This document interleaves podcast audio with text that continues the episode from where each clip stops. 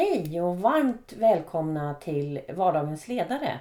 En podd som handlar om ledarskap helt enkelt. Den leds utav mig, Jenny Johansson och eh, varje vecka så har jag med mig en ledare som berättar om sina utmaningar, behov och erfarenheter ifrån sin vardag. Nu har vi kommit till avsnitt 6 utav Vardagens ledare. Och jag tänkte börja med att tacka alla er som ger mig feedback jag eh, är enormt tacksam för det. Både ni som lägger ut öppet på sociala medier men även ni som skickar personligt till mig. För det här hjälper verkligen mig att kunna utveckla mig själv och eh, mitt arbete med den här podden. Och eh, sen personligen så är jag ju så himla glad för att jag gör det här. Jag har väldigt roligt men sen också just det här att jag får träffa helt nya bekantskaper och jag får fördjupa bekantskaper jag redan har det för mig, för mig betyder det jättemycket. Men nu ska vi gå till vem ni ska få träffa och lyssna på idag. Och det är en ledare som heter Liselott Westling Isaksson. Idag driver hon ett eget företag som jobbar med marknadsföring. Hon har en enormt stor erfarenhet av projektledning. Hon har varit marknadschef för säkerhet på Microsoft hon har varit eventchef, hon har jobbat som eh, projektledare för Microsoft Gotland runt. Hon startade upp och sen ansvarar hon för Tech Days och det gör hon även idag. Den går ju av stapeln här nu i höst. Och eh, ja, massor mer. Hon har bland annat jobbat ihop med Kofi Annan som medarbetare. Det var ju han som var generalsekreterare för FN ett antal år. Hela hon är inspirerande. Så Välkomna till avsnitt 6.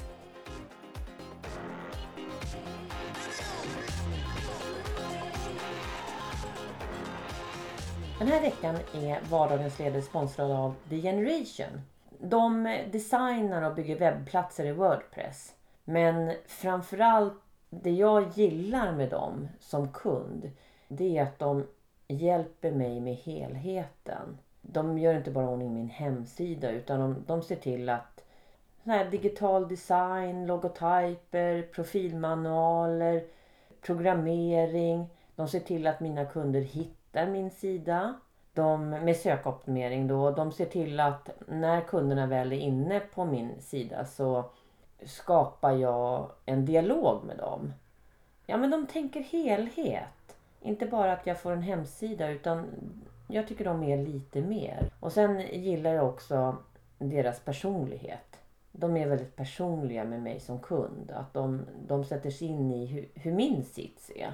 Och det här, för mig som är litet företag så är ju det här jätteviktigt. Så tack Generation för att ni ville vara med och sponsra Vardagens ledare. Nu, nu är vi i, i Bagarmossen. Kändes det?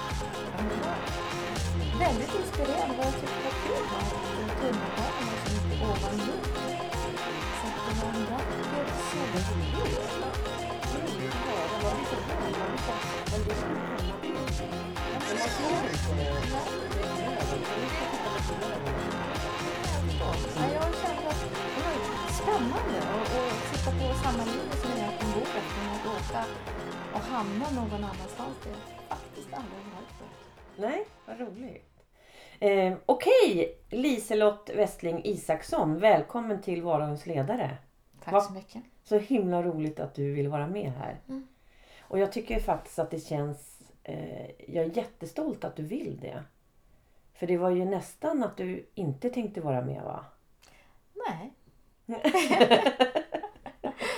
Nej. Men nu är du men, här. Nu, men nu är jag här. Ja. Jag är glad att jag är här också. Ja, trevligt. Och eh, vem är du?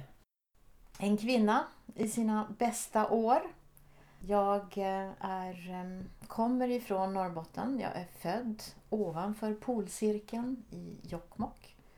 Men där bodde vi inte så länge. Men jag har mina rötter långt, långt uppe i norr. Och jag är uppvuxen i, i Norrbotten där det är kallt och snöigt. Och ehm, ja, det var väl det som gjorde att jag väldigt tidigt eh, flyttade till, till Schweiz jag flyttade direkt efter, efter gymnasiet så flyttade jag, eller var min första resa till Schweiz och det blev många resor till Schweiz. Och eh, också min, min första eh, arbetsplats blev då på FNs flyktingkommissariat i Genève som är då huvudkontoret för, för UNHCR. Och där började jag min, min resa. Mm. Vad, var vad gjorde du där? I den första yrkesrollen? I den första yrkesrollen på... ehm, Det var som sagt huvudkontoret, så där jobbade vi framförallt med att ska säga, administrera och koordinera all flyktingverksamhet som UNHCR gör runt om i hela världen. Så att det är Mhm. verkligen där, där all koordinering sker. Eh, Och eh, min roll där var att jag var eh, assistent och jobbade framförallt på franska och, och engelska. I en väldigt intressant eh, internationell miljö där Mm. egentligen de den nationalitet som man träffade minst, det var eh, schweizare. Det var okej. framförallt den här internationella miljön som Mm. den humanitära internationella miljön har präglat mig väldigt mycket. På vilket vis då? Ja, jag just att, eh, att få umgås nära med människor från hela världen och eh, lära sig deras seder och bruk. Väldigt mycket matlagning. Eh, Ja. och, ja, just, just matlagning tar jag väl upp för det tycker jag väldigt, det har jag alltid tyckt har, har varit roligt. Men eh, jag är väldigt, jag är väldigt glad över just den här mm, tiden som jag hade på, på eh, som jag bodde i Genève. Och än idag, det här var ju början av 80-talet, så än idag har jag flera, många vänner kvar runt om i världen från den tiden. Och det känns som att vi träffades igår när vi då träffades Vad igen. härligt det är med Mm. sådana vänner, eller Mm. hur? Ja. Men hur länge var du där? Ja, ehm, jag var ju där i, i omgångar. Men när jag började på, på FN så jobbade jag, där, jobbade jag på FN i tio år. Mm. Men de första fem åren var jag på huvudkontoret i, i Genève. Och sen bestämdes det att FN skulle öppna ett kontor i Sverige för de nordiska länderna. Så då bestämde jag mig för att flytta till Stockholm som var helt nytt och stort för mig. Och det här var 1985. Och eh, då tillsammans med, en, med en ambassadören, ja, diplomat är det ju, på, men, men ambassadör heter det ju inte på FN-språk utan då är det ju em, regional representative. Man har en Mm. annan, annat språkbruk. Så vi två eh, startade upp FNs kontor i Sverige med allt vad det innebär. Vi, Men gud vad spännande. Ja, det var, det var jättespännande. Vi utgick ifrån hans lägenhet på Karlavägen och därifrån skaffade vi lokal, möbler, telefonabonnemang, utrustning. em, Allt vad det var som man behövde för att bygga upp ett kontor och sen bygga upp det med anställningsintervjuer, anställa. Ja, Hur många vart ni till slut? till slut så när jag slutade då eh, då var vi tio personer och då hade vi redan hunnit flytta en gång också till nya lokaler. Och då hade du, du varit här i Stockholm i fem år då? Då hade jag varit i Stockholm i Ja, fem just år. det. Ja. Mm. Hur var den resan de där fem åren? ja, först var ju resan att komma från, flytta från Schweiz till, till Sverige var, var först lite konstigt att komma tillbaka till Sverige för jag kände mig väldigt annorlunda. Just det. Eh, mycket av den här mera franska och schweiziska mentaliteten och hur... Ja, när man tittar till exempel på, på ledarskap så är ju det en helt annan typ av, av ledarskap. Det är väldigt, eh, väldigt gammelmodigt i Schweiz överhuvudtaget var det då. Men jag har någon kuriosa som jag skulle vilja berätta från min tid på FNs flyktingkommissariat i alla fall som jag känner mig lite så stolt över. Ja. Och det är att jag var ju kollega med Kofi Annan under ett antal år i Genève. Och han blev ju sedermera eh, generalsekreterare för FN. Mm. Och jag respekterar honom och ser upp till honom och tycker han är en fantastisk människa. Och idag så är det ju en person från FNs flyktingkommissariat som har blivit den nya generalsekreteraren efter Ban Ki-Moon. Och det är Antonio Guterres. Så jag tänker att eh, UNHCR är en bra plantskola för, Verkligen. för generalsekreterare, så vem vet? Jag tänkte säga det. Då Vem vet man vet? var man hittar dig sen då. Ja, kanske det. Jaha, men det måste ju också ha varit spännande att få jobba tillsammans med honom. Det var väldigt Ja. spännande. Det var, ja, då var han, Kofi Annan var då en kollega bland alla andra Ja, just det. kollegor. Så det var inte något mer, mer speciellt än så. Nej, Men jag är glad att se att han blev generalsekreterare. mm, vad, vad kul. Det jag menar att jag, det har varit väldigt intressant att, att få uppleva de här tio åren i den här väldigt internationella miljön. Ja. Sen har väl mitt arbetsliv fortsatt ganska internationellt ändå men, men just inom FN så Ja. väldigt speciellt. Men om vi går vidare då?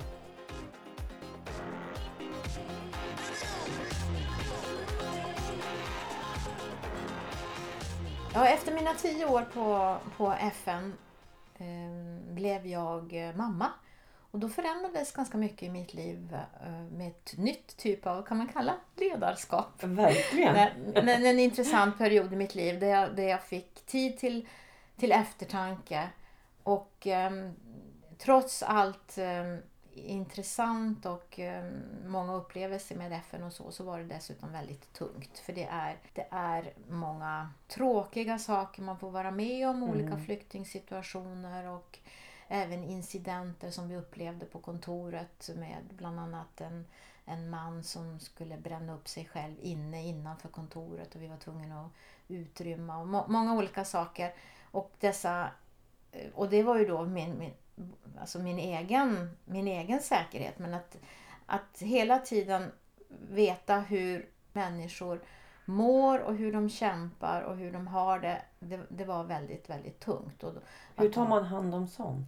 Ja, det, det var väl det som var det, det som blev så tungt i, i längden. Att jag, jag ofta gick jag hem och, och fick prata ut Ja. om vad som hade hänt under dagen och den personen hade fått, inte fått uppehållstillstånd eller något skulle gå vidare. Och, och, ja, det var, jag kände att det, var, det, det blev väldigt, väldigt tungt. Mm. Personligt blev det också tungt att bära det. Tog man inte hand om det på, på rätt sätt? Eller liksom, hade man kunnat ta hand om det bättre? Om jag frågar så. Man tog inte hand om det alls överhuvudtaget. Utan var och en fick eh, klara av det där och sköta Var- det. Ja, det fanns in, Mm. ingenting sådant alls. Därifrån har väl du tagit med dig massor antar jag framåt nu. Och det är klart, jag, jag tycker ju att all, allt det här som jag, och, så är det ju för oss alla, att allt det vi har varit med om det formar ju oss Mm. som människor. Det formar ju också den typ av ledarskap som vi själva bedriver eller som vi själva önskar att hur bli ledda av andra. Just det. Så att det är Mm. jätteviktigt. Precis. En, en stor lärdom. Men där, då hade du en period när du reflekterade mycket. Och var, var det över vad du skulle jobba med då? Eller var det... Nej, nej det var Nej, ja, inte riktigt. Utan då det bara visade sig så att, eh, att eh, EG, Europeiska gemenskapen som därefter blev EU, öppna, hade precis öppnat kontor i, i Sverige.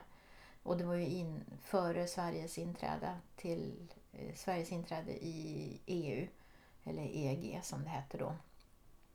Och jag tyckte det där lät jättespännande att få komma från, från FN till EU. Och jag bara skickade in en spontanansökan och det tog några veckor och sen var, var jag anställd. Så det gick Wow! jättefort. Och då kom jag in på en annan typ av arbetsplats som jag då upptäckte att det här var inte riktigt, det här var inte riktigt eh, jag.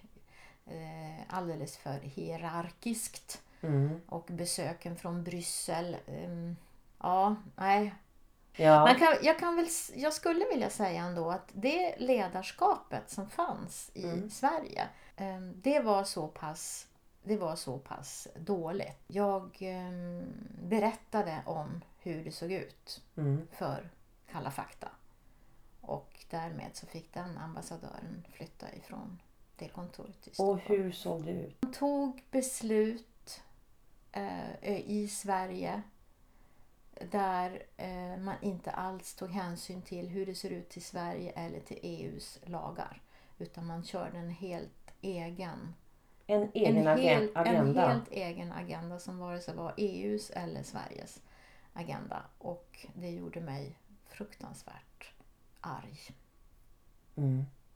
För vad, vad blev du arg för? För att Hur man bara överhuvudtaget kunde bete sig på det sättet. Eh, drabbade medarbetare och, Det och så? drabbade definitivt medarbetare väldigt, eh, väldigt, väldigt mycket.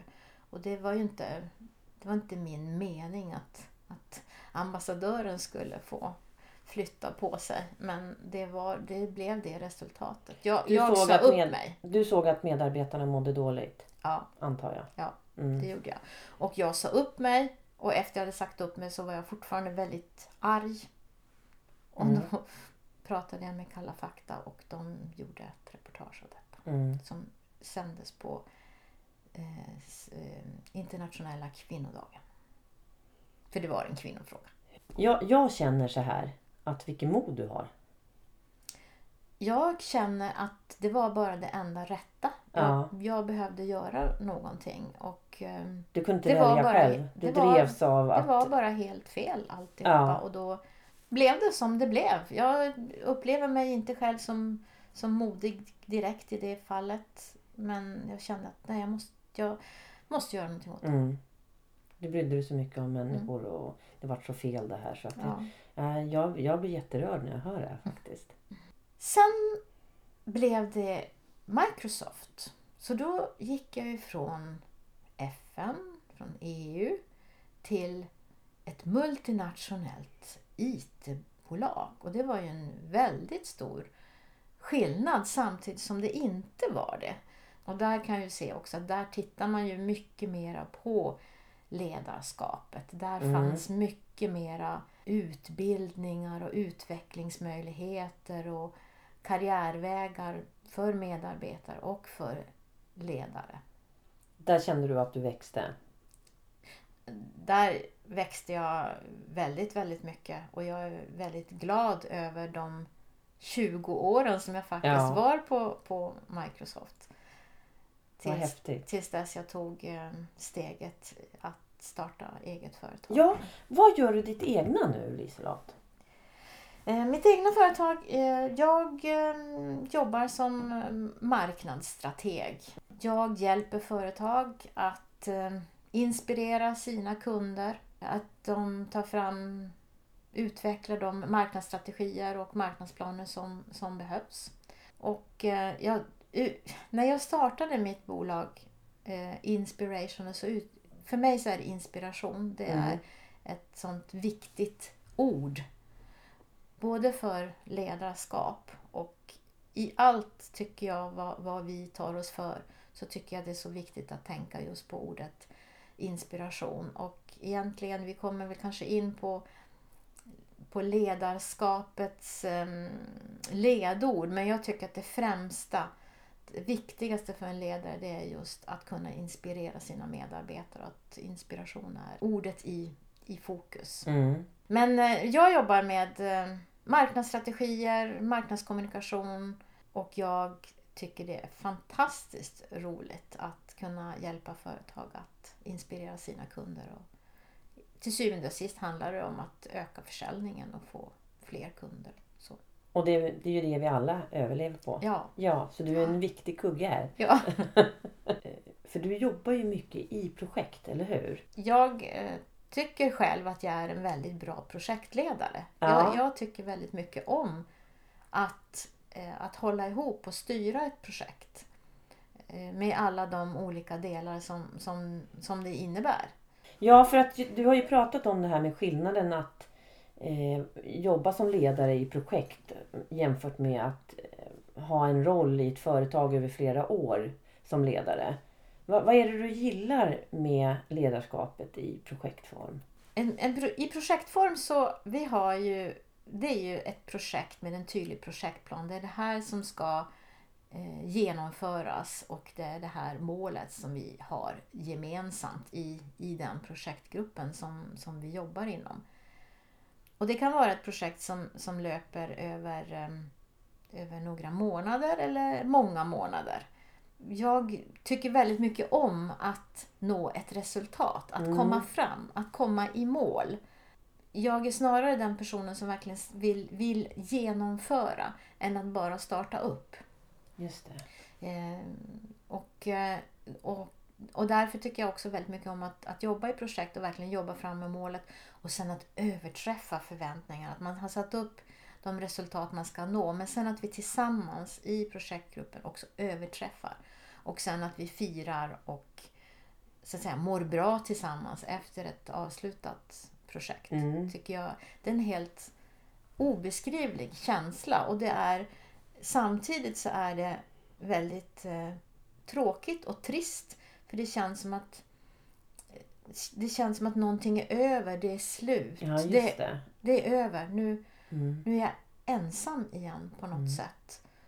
Och ehm, ja, Tolka, om, har jag tolkat det rätt? För när man jobbar i projektform så, um, så handlar det ju väldigt mycket om att du på kort tid också måste skaffa förtroende. Eh, du måste bygga team väldigt snabbt, kanske med människor som inte känner varandra innan.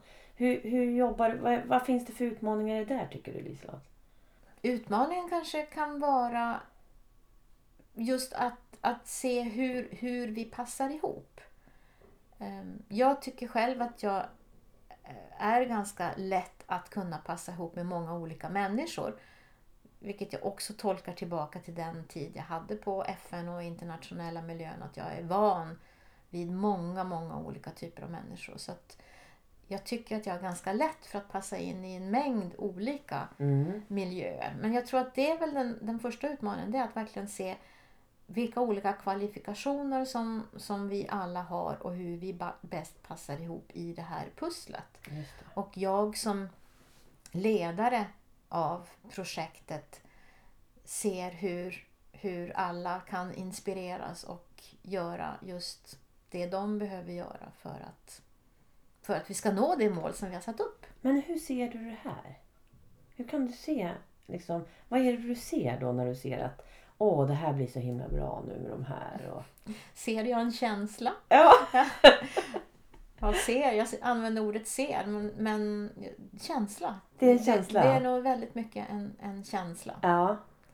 En, en känsla för ja, känna, känna in människor och känna in hur det sen fungerar. Och, och att, Mm. eh, och sen att alla har roligt och trivs och vill det vi ska uppnå. Precis, och just det här med ordet inspiration. Och, och eh, Jag tror ju lite på det här med att idag så kommer ju medarbetare, det kommer ju bli att man väljer chef eller ledare. Ja. Eller hur? Mm. Eh, och, eh, och jag vet att du har ju pratat om och jämfört eh, ledarskap som du gillar med Bamse. Ja, jag, det, jag läste helt nyligen den här artikeln om där eh, Nicolas Jacquemot som är ledarskapsforskare och författare till boken Chefen som kom ut i sitt rum. Han pratar också om hur, hur chefskapet har förändrats från den här handlingskraftiga, mer stränga ledaren till att det inte är fel eller ful att samtidigt vara snäll och empatisk. Och jag tror ju att det är, jag tror att det är helt rätt. Mm. Men, men en annan sak som för mig är väldigt viktig, att vara sig själv och inte föreställa sig och försöka låtsas att vara någon annan. Det är mycket mer genuint, genuint att vara sig själv. Mm. Och jag störs mig nog på, ja det gör jag, Mm. jag stör mig på när jag märker hur människor beter sig olika på grund av den människan den, som de har mitt emot sig. Bara för att föreställa sig att vara, vara någon annan. Nu pratar jag inte om att, eh, att sätta sig in i hur en annan människa kan må eller så, utan snarare just den här att, att slå sig själv för bröstet och, och, och tro att man är någonting mer än, än, än vad man är. Utan jag säger, man, jag tycker att man ska uppföra sig själv så som man själv vill bli bemött. Mm. Och det är väldigt viktigt för mig. Ja, och känna att man lojal mot sig själv. ja, äkta. Ja, äkta. Äkta, Mm. in, inte föreställa sig. Nej. Det är, jag har mycket svårt för det. Ja. När du går så långt så att du stör dig på någon, vad, vad kan konsekvensen bli då? konsekvensen kan bli att det till och med öppnar upp sig att det kan bli en, en fördjupad vänskap faktiskt. Ah. Därför att det kan vändas till någonting, Mm. till, till någonting positivt också. Att, eh, att ha en dialog om, om vad det är som, som, som jag inte trivs med. Ja, just det. Men, men det beror ju på mig. Mm. Ja men precis, jo men jag förstår. Ja, Mm. Det där var, tyckte jag var härligt att höra faktiskt också. Och det jag tycker att det i kombination med det här med Bamse, att vara snäll. Det i sig måste ju bli väldigt Mm. framgångsrikt. Mm. Eller Ja. hur? De två sakerna. Ja. Att man tar på sig själv att det här ansvaret har ju faktiskt jag. Det ligger på mig. ja, Och så tänker jag snällhet i kombination där. Det måste ju bli väldigt bra. precis. Och nu säger du ett ord som, som ett annat ord som är väldigt viktigt för mig och det är ansvar och Mm. ansvarsfull. En, en annan typ av, av eh, ledarskap som, som jag inte tycker är positivt det är ju när eh, jag möter ledare som inte mår bra. Mm. Eh, och då, då får jag ont i magen, bildligt uttryckt. För de, de har ett ansvar gentemot sin omgivning. Och, och jag, man kan ha dåliga dagar som ledare och vi kan alla ha dåliga dagar. Och, och, och så. Men, men man har ett ansvar också till den gruppen man har runt omkring sig, till sina medarbetare. Och ehm, då, måste man, då måste man ta itu med det innan det sprider och smittar i, i, ehm, i gruppen. Ja. När människor inte mår bra så smittar det. Och Mm. det, det, är, det är verkligen inte inspirerande för Nej. medarbetarna. Precis. Hur tycker du att det skulle vara istället om man känner att man inte mår bra som ledare? Vad skulle man kunna göra? Som sagt så tycker jag ju att ledaren har ett ansvar. Men man, jag tycker ju också att som ledare, så, för att leda andra så bör man ha en god självinsikt. Mm. Och brist på god självinsikt så leder det ju kanske till, till de här konsekvenserna också. Att man inte ens märker hur man kanske beter sig i, och smittar sin, sin omgivning eh, negativt. Så att eh, behöver titta in i sig själv och se vad, ja men ska jag fortsätta som ledare? Det är trots allt ett val jag gör Mm. att fortsätta. Och sen om man inte mår bra så kanske behöver man ju överhuvudtaget ta hand om det. Precis. Men så, så som jag tolkar när du pratar så menar du att det, man kanske inte märker att man mår dåligt. Och då förstår man ju inte heller konsekvenserna av det i sitt beteende. Men att man kanske måste stanna upp lite då och då och faktiskt titta på hur man mår. Ja. Eller hur? Har jag tolkat, är det så du menar? Ja. ja. Och det, är- då är vi tillbaka till det här med reflektion. ja. Att det är ju faktiskt viktigt att stanna upp och, och reflektera över hur mår jag, vad vill jag, hur, hur ser det ut runt omkring mig? ja. Mm. Tid för det reflektion. är inte alltid så lätt. Nej. Men vi behöver ju sätta in det i almanackan. Eller Ja. hur? Och göra det. Ja, planera.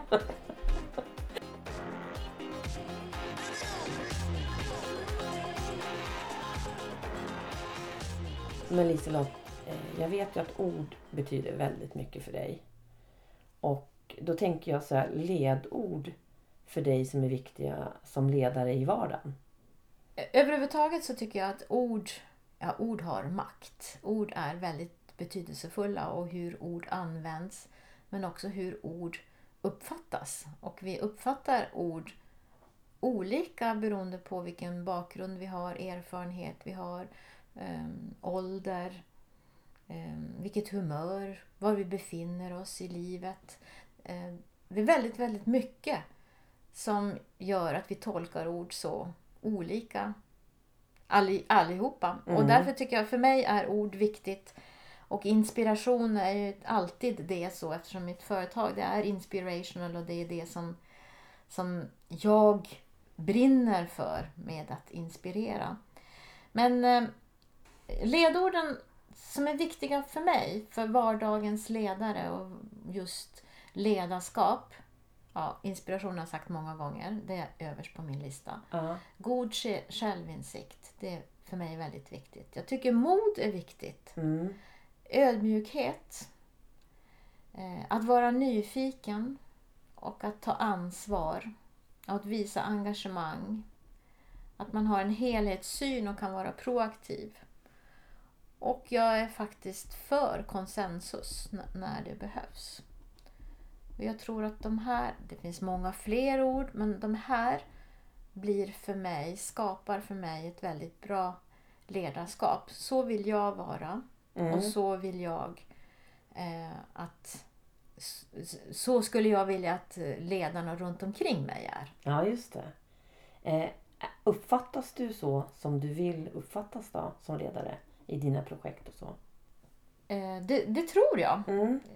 Ett, ett ord som har, som har kommit fram så ofta genom åren som, som jag själv inte har sett så mycket, det är att jag är tydlig. Och jag har ofta fått höra att man säger att jag är tydlig. Och då har jag funderat, jaha, var, varför är jag tydlig? Ehm, Men eftersom det sägs så många gånger så då är jag väl väldigt tydlig. Jag tycker Mm. själv att jag kanske snarare är lite mer att jag vill ställa krav. Och om det är det som tolkas som tydlighet eller om det är någonting annat. Jag är lite osäker. Ja, just det. Vad spännande att reflektera över. Mm. Men eh, om jag får säga vad jag tror så tror jag det i kombination med snäll mer är åt ett positivt håll. Ja. Ja. Mm. Men, eh, och ord då som beskriver dig Liselott som person? Ja, ehm, lyssnande, lyhörd och ehm, ansvarsfull och empatisk. och empatisk. Om du skulle vilja skicka med ett par tips eller råd till projektledare i vardagen, vad skulle det vara Liselott? Ja, Jag tycker att det finns så många klyschiga ord. Jag tycker det är svårt att uttrycka något som är konkret eller nytt. Det känns som att allting är redan sagt. Men mitt eget personliga motto det är Make change happen. Det är min devis och den lever jag efter.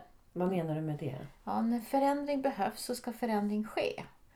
Och det är så lätt att stanna kvar i, i det invanda och i det trygga och i rutiner och inside the box. För att det är enkelt och, be, och bekvämt. Mm. Så att eh, utmana sig själv genom att leda sin egen förändring. Det är något som jag strävar efter. Mm. Var dig själv och jämför dig inte med andra. Lita på din egen instinkt. Var dig själv. Det är väl underbart det. Mm. Det Ja. kommer vi nog väldigt långt på Ja. allihopa. Och runda av med en eh, förebild då för dig. Ja, en förebild för mig som, som jag eh, tycker väldigt mycket om och det är Lottie Knutsson. Hon som klev fram i rampljuset eh, under tsunamin. Jag tycker att hon är trygg och klok, handlingskraftig, tydlig, empatisk och sympatisk. Hon har energi och driv, beslutsamhet, målinriktad, orädd. En massa bra positiva egenskaper. Jag tycker hon är en helt fantastisk kvinna. Jag, jag kan inte annat än att hålla med dig faktiskt. 30 minuter går väldigt fort när man har roligt. Mm. Eh, och jag, jag skulle ju så gärna vilja höra mer. Du har ju varit med om så otroligt mycket spännande saker. Men vi får nöja oss den här gången. Eh, så kul att du var med. Tack för det. Tack för att jag fick vara med Jenny. Då hörs vi en annan gång. Ja, Hej hej! Hej då!